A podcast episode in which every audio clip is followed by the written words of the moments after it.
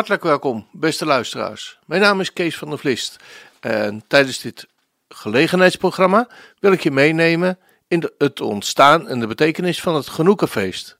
Gisteren, vandaag en morgen denken we na over het ontstaan in zijn algemeenheid, over het Ganoukafeest. Dag 4 denken we na over Chanukka en de kracht van het geloven. Dag 5 willen we nadenken over Chanukka en de overwinning op de duisternis. Dag 6 denken we na over Chanukka en de tempel. Dag 7 over het wonder van Chanukka. En dag 8, de slotdag van het feest, willen we aandacht besteden aan Chanukka en de Messias.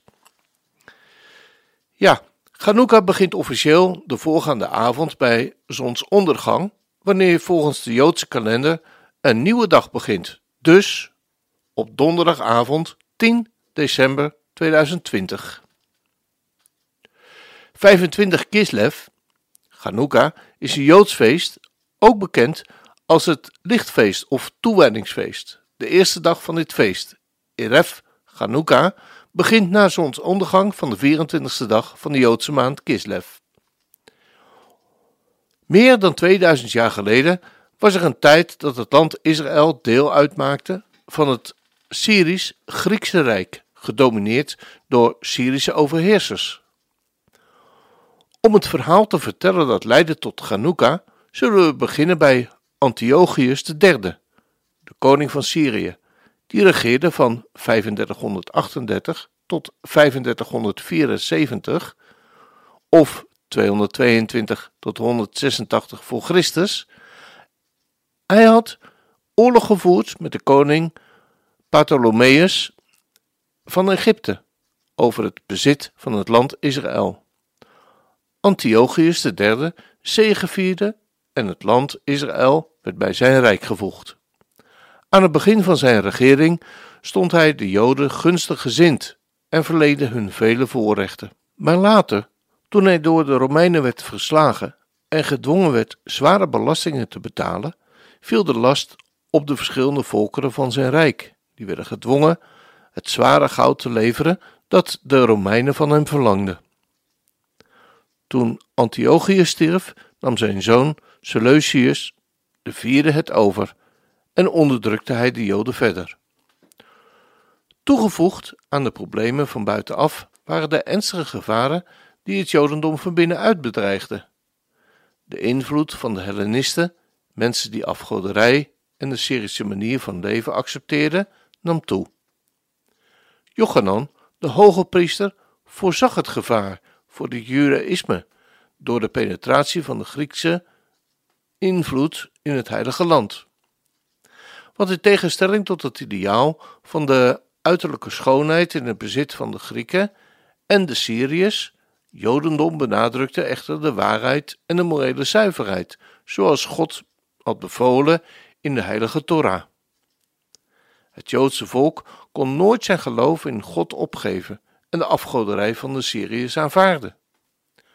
Jochanan verzette zich daarom tegen de elke poging van de kant van de Joodse Hellenisten om de Griekse en de Syrische gebruiken in het land te introduceren. De Hellenisten haatten hem. Een van hen vertelde de commissaris van de koning dat er in de schatkamer van de tempel veel rijkdom was. De rijkdom in de schatkist bestond uit de bedragen van de halve shekel, die jaarlijks door alle volwassen Joden werd betaald.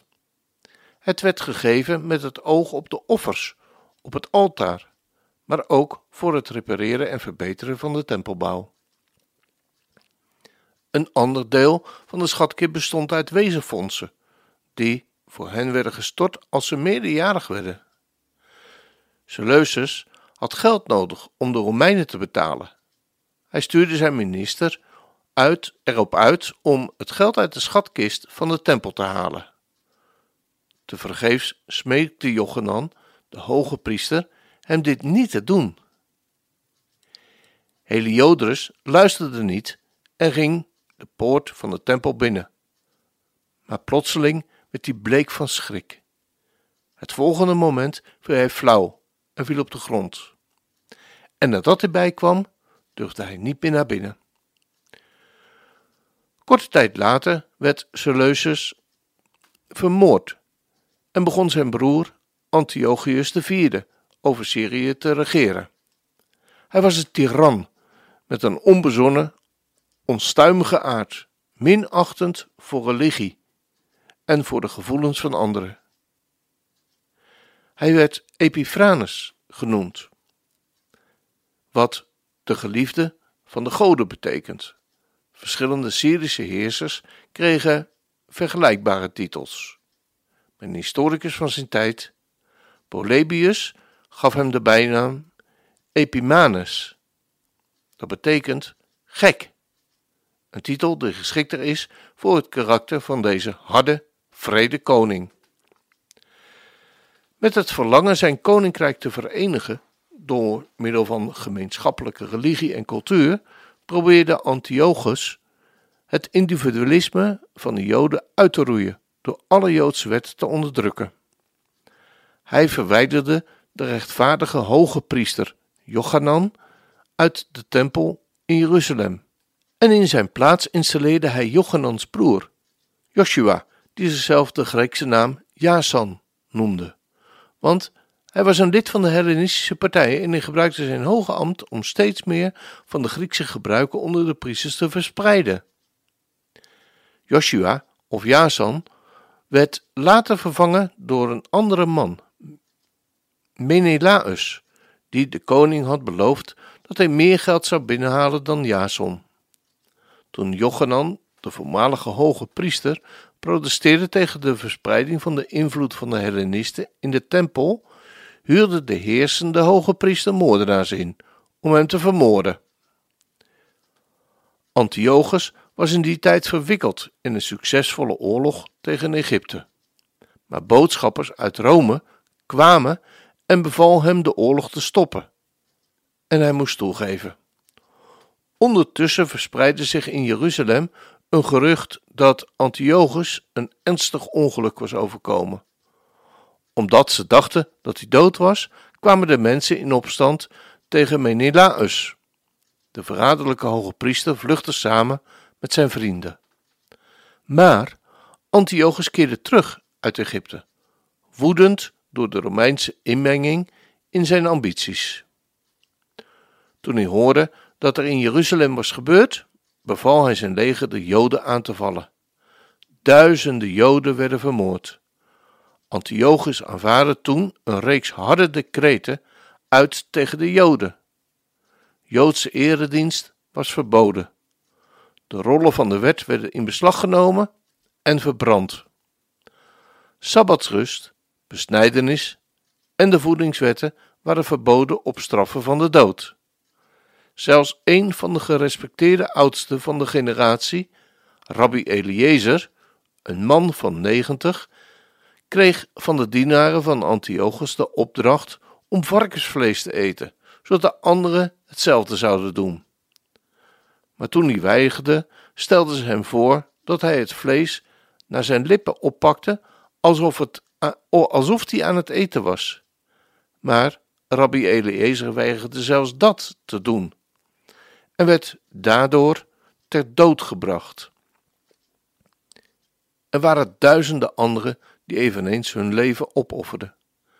Het beroemde verhaal van Hanna en haar zeven kinderen gebeurde in die tijd. Antiochus mannen trokken van stad tot stad en van dorp tot dorp om de inwoners te dwingen heidense goden te aanbidden. Er bleef maar één toevluchtsoord over en dat waren de heuvels van Judea met hun grotten. Maar zelfs daar achtervolgden de Syriërs de getrouwe Joden en menig Jood stierf de marteldood. Op een dag kwamen de handlangers van Antiochus in het dorp Modin, waar Mattatio, een oude priester, die daar woonde. De Syrische officier bouwde een altaar op de markt van het dorp en eiste dat Mattathiahu offers zou brengen aan de Griekse goden. Maar hij antwoordde: Ik, mijn zoons en mijn broers zijn vastbesloten loyaal te blijven aan het verbond dat onze God met onze voorouders heeft gesloten. Daarop naderde een Hellenistische Jood altaar om het offer te brengen. Maar Mattateuahu pakte zijn zwaard en doodde hem. En zijn zonen en vrienden vielen de Syrische officieren en mannen aan. Ze hebben er velen van dood en de rest weggejaagd. Ze vernietigden toen het altaar. Maar Mattathiahu wist wat Antiochus, Antiochus woedend zou zijn als hij hoorde van wat er was gebeurd. Hij zou zeker een expeditie sturen om hem en zijn volgelingen te straffen. Daarom verliet hij het dorp Modin en vluchtte samen met zijn zonen en vrienden naar de heuvels van Judea. Voor zijn dood riep hij zijn zonen bij elkaar en drong er bij hen op aan om te blijven vechten ter verdediging van Gods Torah. Hij vroeg hen de raad van hun broer Simon, de wijze, te volgen. Bij het voeren van de oorlog, zei hij, zou hun leider Juda de sterke moeten zijn. Juda werd Maccabeeën genoemd, een woord dat bestaat uit de beginletters van de vier Hebreeuwse woorden Mi, Kamocha, Ba'elim, Hashem. Wie is zoals u, o God? Maar Antiochus stuurde zijn generaals Apollonius om, Judea en de vol, om Juda en de volgelingen, de Maccabeeën, uit te roeien. Hoewel ze in aantal en uitrusting groter waren dan hun tegenstanders, werd de Syriërs verslagen door de Maccabeeën. Antiochus zond nog een expeditie uit, maar ook die werd verslagen. Hij realiseerde zich dat hij alleen door het sturen van een krachtig leger kon hopen Juda en zijn dappere strijders te verslaan. Een leger van wel meer dan 40.000 man veegde het land aan onder leiding van twee commandanten, Nicanor en Gorgias. Toen Juda en zijn broers daarvan hoorden, riepen ze uit: Laten we tot de dood toe vechten ter verdediging van onze ziel en de tempel. De mensen kwamen bijeen in Mitzpa, waar Samuel, de profeet van weleer, gebeden had, opgezonden aan God. Na een reeks veldslagen werd de oorlog gewonnen. Nu keerden de Maccabeeën terug naar Jeruzalem om het te bevrijden. Ze gingen de tempel binnen en verwijderden de afgoden die daar door de Syrische vandalen waren geplaatst. Juda en zijn volgelingen bouwden een nieuw altaar, dat hij opdroeg aan de 25e van de maand Kislev, het jaar 3622 of 139 voor Christus. Omdat de gouden menorah door de Syriërs was gestolen, maakten de Maccabeeën er nu een van goedkoper metaal. Toen ze dat wilden aansteken, vonden ze slechts een kleine kruik met pure olijfolie, met het zegel van de hoge priester Jochanan. Het was voldoende om er één dag aan te steken. Maar door een wonder van God bleven het acht dagen branden, totdat er nieuwe olie beschikbaar kwam. Dat wonder bewees dat God zijn volk weer onder zijn bescherming had genomen. Ter nagedachtenis hebben onze wijzen deze acht dagen aangewezen voor jaarlijkse dankzegging en voor het aansteken van de kaarsen. De helderheid van het eerste Hanukkah-licht was afgenomen. De heilige vuren van het altaar brandden weer. In Beit Hamekdash, van smorgens tot smorgens, zoals voorgeschreven was door de wet. De priesters waren weer druk bezig met de dienst op de oude gebruikelijke manieren. En dag in, dag uit bereidden ze de offergave voor. Orde en vrede leken gevestigd. De Joodse boer verlangde ernaar terug te keren naar zijn land, na twee jaar van ontbering. Ontbering en gevaar in het zegevierende Joodse leger. Maar Het was de hoogste tijd om de grond te breken en de grond te bewerken. Als de gerst zou groeien en rijpen op de tijd voor het Omeroffer op Pesach. Joodse boeren hadden hun ploegen achtergelaten om zich te verzamelen over de heldhaftige Gasmonaim.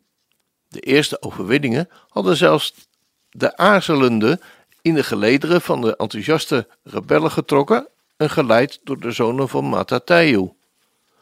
Boeren hadden hun land verlaten, kooplieden en handelaars hun winkels, en zelfs de Torah-studenten waren uit de vier muren van de Bet Hamidrash gekomen om zich aan te sluiten bij de strijd tegen de onderdrukkers. Maar de overwinningsliederen die de heroverde heilige tempel met lof en dankbaarheid voor de barmhartige God hadden gevuld, waren opgehouden.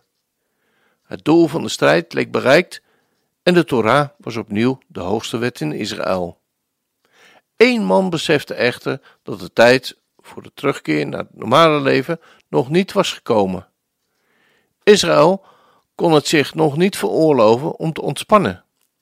Het zou klaar moeten staan om zich te moeten voorbereiden voor de strijd om voor te zetten tegen de overweldige overmacht van de vijand. Deze man was Judah Maccabi. Zijn naam was op ieders lippen en in elk Joods hart. Hij werd bewonderd als een held, als een man met het hart van een leeuw en de simpele vroomheid van een kind. Als degene wiens machtige legers streden en overwonnen, maar die nooit verzuimde om tot God, de meester van alle veldslagen, te bidden, voordat hij de strijd aanging. Maar het was niet de vrede, vreugde van de pittige krijger die ervoor zorgde dat Judah Maccabi in het kamp bleef. Ook zijn hart verlangde ernaar terug te keren naar zijn vroedige, vroegere, vredige leven, naar Modin, de rustige stad van de priesters. Bloedvergieten en strijd betekenden een hard en ongewenst beroep voor de mannen van de Judea, die de volken gaven aan vrede boven strijd. Toch was dit geen tijd om toe te geven.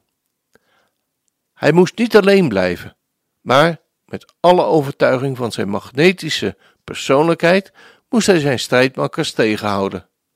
Zijn eigen redenering en zijn twee wijze broers, Shimon en Jonathan, vertelden hem dat alleen de eerste fase van deze bevrijdingsoorlog voorbij was. Moeilijke en wanhopige tijden moesten nog komen. Slimme vijanden hadden alleen een langere pauze nodig om nieuwe aanvallen met meer troepen en een nog betere uitrusting te voor, voor te bereiden. En er waren overal vijanden in Judea, behalve de verslagen Syriërs. De buurlanden misgunden de schitterende overwinningen van de kleine Joodse legers.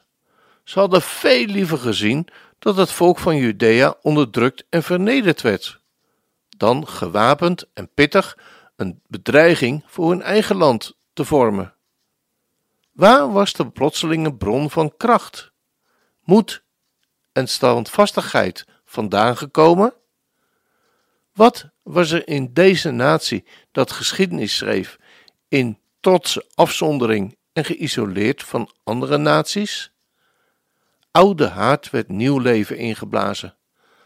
De afstammelingen van Edom, de Ammonieten, de Filistijnen en Feniciërs, ze wekten allemaal hun oude jaloezie op. Boodschappers kwamen uit Gilead. Heidense volk bundelde zijn krachten om Judea te vernietigen. Uit Galilea kwam het slechte nieuws van soortgelijke kwade bedoelingen en actieve voorbereidingen in Ptelemaïs, Tyrus en Sidon. De boodschappers vonden Juda Maccabi al aan het werk. Rond Sion moesten versterkingen komen worden en worden gebouwd. Torens, muren, kantelen en grachten moesten worden gebouwd tegenover het fort dat nog steeds wordt vastgehouden door een ergste vijand, de Hellenistische Joden, onder leiding van de valse priester Menelaus. Deze haatte al de Joodse en leefde in de hoop op de terugkeer van de Syrische meesters. Juda Maccabi bereidde Jeruzalem tegen hen en tegen de op handen zijnde aanval door de troepen van Antiochus voor. Onder zijn supervisie werkte het Joodse leger en het Joodse volk koortsachtig om de arsenalen aan te vullen en het hele land in een bolwerk te veranderen. Toen deze belangrijkste zaak eenmaal was verbracht, leidde Juda Maccabi zijn pas getrainde troepen om de regio's en dorpen te hulp te schieten. Die werden lastiggevallen door de hatelijke buren van Judea. Hij verdreef de Idomeërs uit Hebron, dat ze hadden geannexeerd. En hij strafte de mensen die vijandig waren, hadden gehandeld jegens de Joodse kolonisten. Daarna leidde hij zijn leger over de Jordaan tegen de Ammonieten. Hun hoofdstad viel voor de woedende aanval van de Joodse troepen, en dat gold ook voor hun fort, Jaezer. Judas broer, Shimon, leidde een leger naar het noorden van de geplaagde Joden in Galilea te helpen. Hij versloeg de vijand en ontruimde het Joodse land. Op zijn aandringen keerde een groot aantal van de Joodse kolonisten die naar Jeruzalem waren gevlucht terug, om in veiligheid te herbouwen wat in jaren van zwakte was verwoest. Jude Maccabi en Jonathan sloegen de handen ineen en marcheerden tegen Gilead, waar ze de grootste weerstand ondervonden. Juda, Judea, was weer vrij en alle delen van de naburige natie waren veroverd en waren teruggevonden. Vieringen en festiviteiten veranderden Jeruzalem en de tempel en nauwelijks een half jaar na de overwinningen op de Syrische legers. Het Joodse volk drukte zijn vreugde en dankbaarheid aan God uit in de vorm van psalmen en offers, want hij had heerlijkheid en vrijheid in het Joodse land hersteld. We gaan luisteren naar een bijzonder Chanukka-lied, Maos Tzur, wat stronghold of rock betekent in het Hebreeuws. Het is een, een populair Chanukka-lied dat vaak wordt gezongen na het reciteren van de Chanukka-zegeningen en het aansteken van de menorah. Het is ook een favoriet lied op religieuze scholen in de synagogen, waar kinderen soms een voorstelling geven voor hun ouders en familie om Chanukka te vieren. Maar Ostsur is het liturgische lied. Aangenomen wordt dat het gedicht afkomstig is uit het Europa van de 13e eeuw en gewoonlijk wordt gezongen op de melodie van een oud Duits volksliedje. Sommigen geloven dat het deuntje moet worden toegeschreven aan Judas Alias van Hannover, die leefde in 1744, en anderen citeren correspondentie over het deuntje in de 15e eeuwse manuscripten. Het gedicht van zes coupletten vertelt over de vele keren dat God het Joodse volk van hun vijanden heeft verlost. De eerste strofe, die gewoonlijk op Chanukka wordt gezongen, dankt God voor deze bescherming. De volgende vijf strofen spreken over de Israëlitische uittocht uit Egypte en de Israëlitische bevrijding uit Babylonië, Perzië en Syrië. Het vijfde vers vertelt het verhaal van Chanukka en zegt: De Grieken verzamelden zich tegen mij. Ze braken de muren van mijn torens af en verontreinigden alle oliën. Maar uit de laatste overgebleven fles werd een wonder verricht. Dan nog een opmerking. Sommigen vertalen het lied als Rock of Ages, wat verwijst naar een specifieke vorm van het lied die een niet-letterlijke vertaling is, gebaseerd op een Duitse versie die in de 19e eeuw door Leopold Stein werd gecomponeerd. Deze verzen en deze teksten zijn meestal seksenneutraal. De titel van het liedje verwijst ook naar de christelijke hymne Rock of Ages, geschreven in de 18e eeuw. Het is een feit dat u zich geen zorgen hoeft te maken. Immers, het is de rots van de eeuwen. De vertaling luidt ongeveer als volgt: Rots der eeuwen, laat ons lied uw reddende kracht prijzen. U, te midden van razende vijanden, was onze schouwplaats. Woedend vielen ze ons aan, maar uw arm hielp ons en uw woord brak hun zwaard, toen onze eigen kracht ons in de steek liet.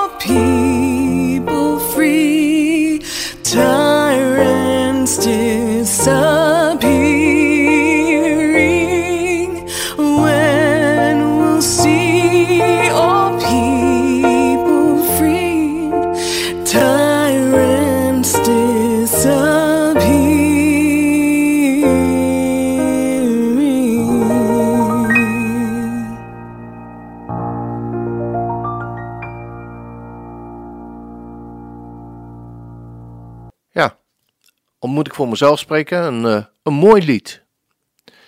Ehm, we zijn hier dan mee aan het einde van eh, de tweede aflevering in het licht van de Joodse feesten, eh, het Chanukka-feest gekomen. En we wensen u voor deze dag God zegen toe. En hopelijk tot morgen.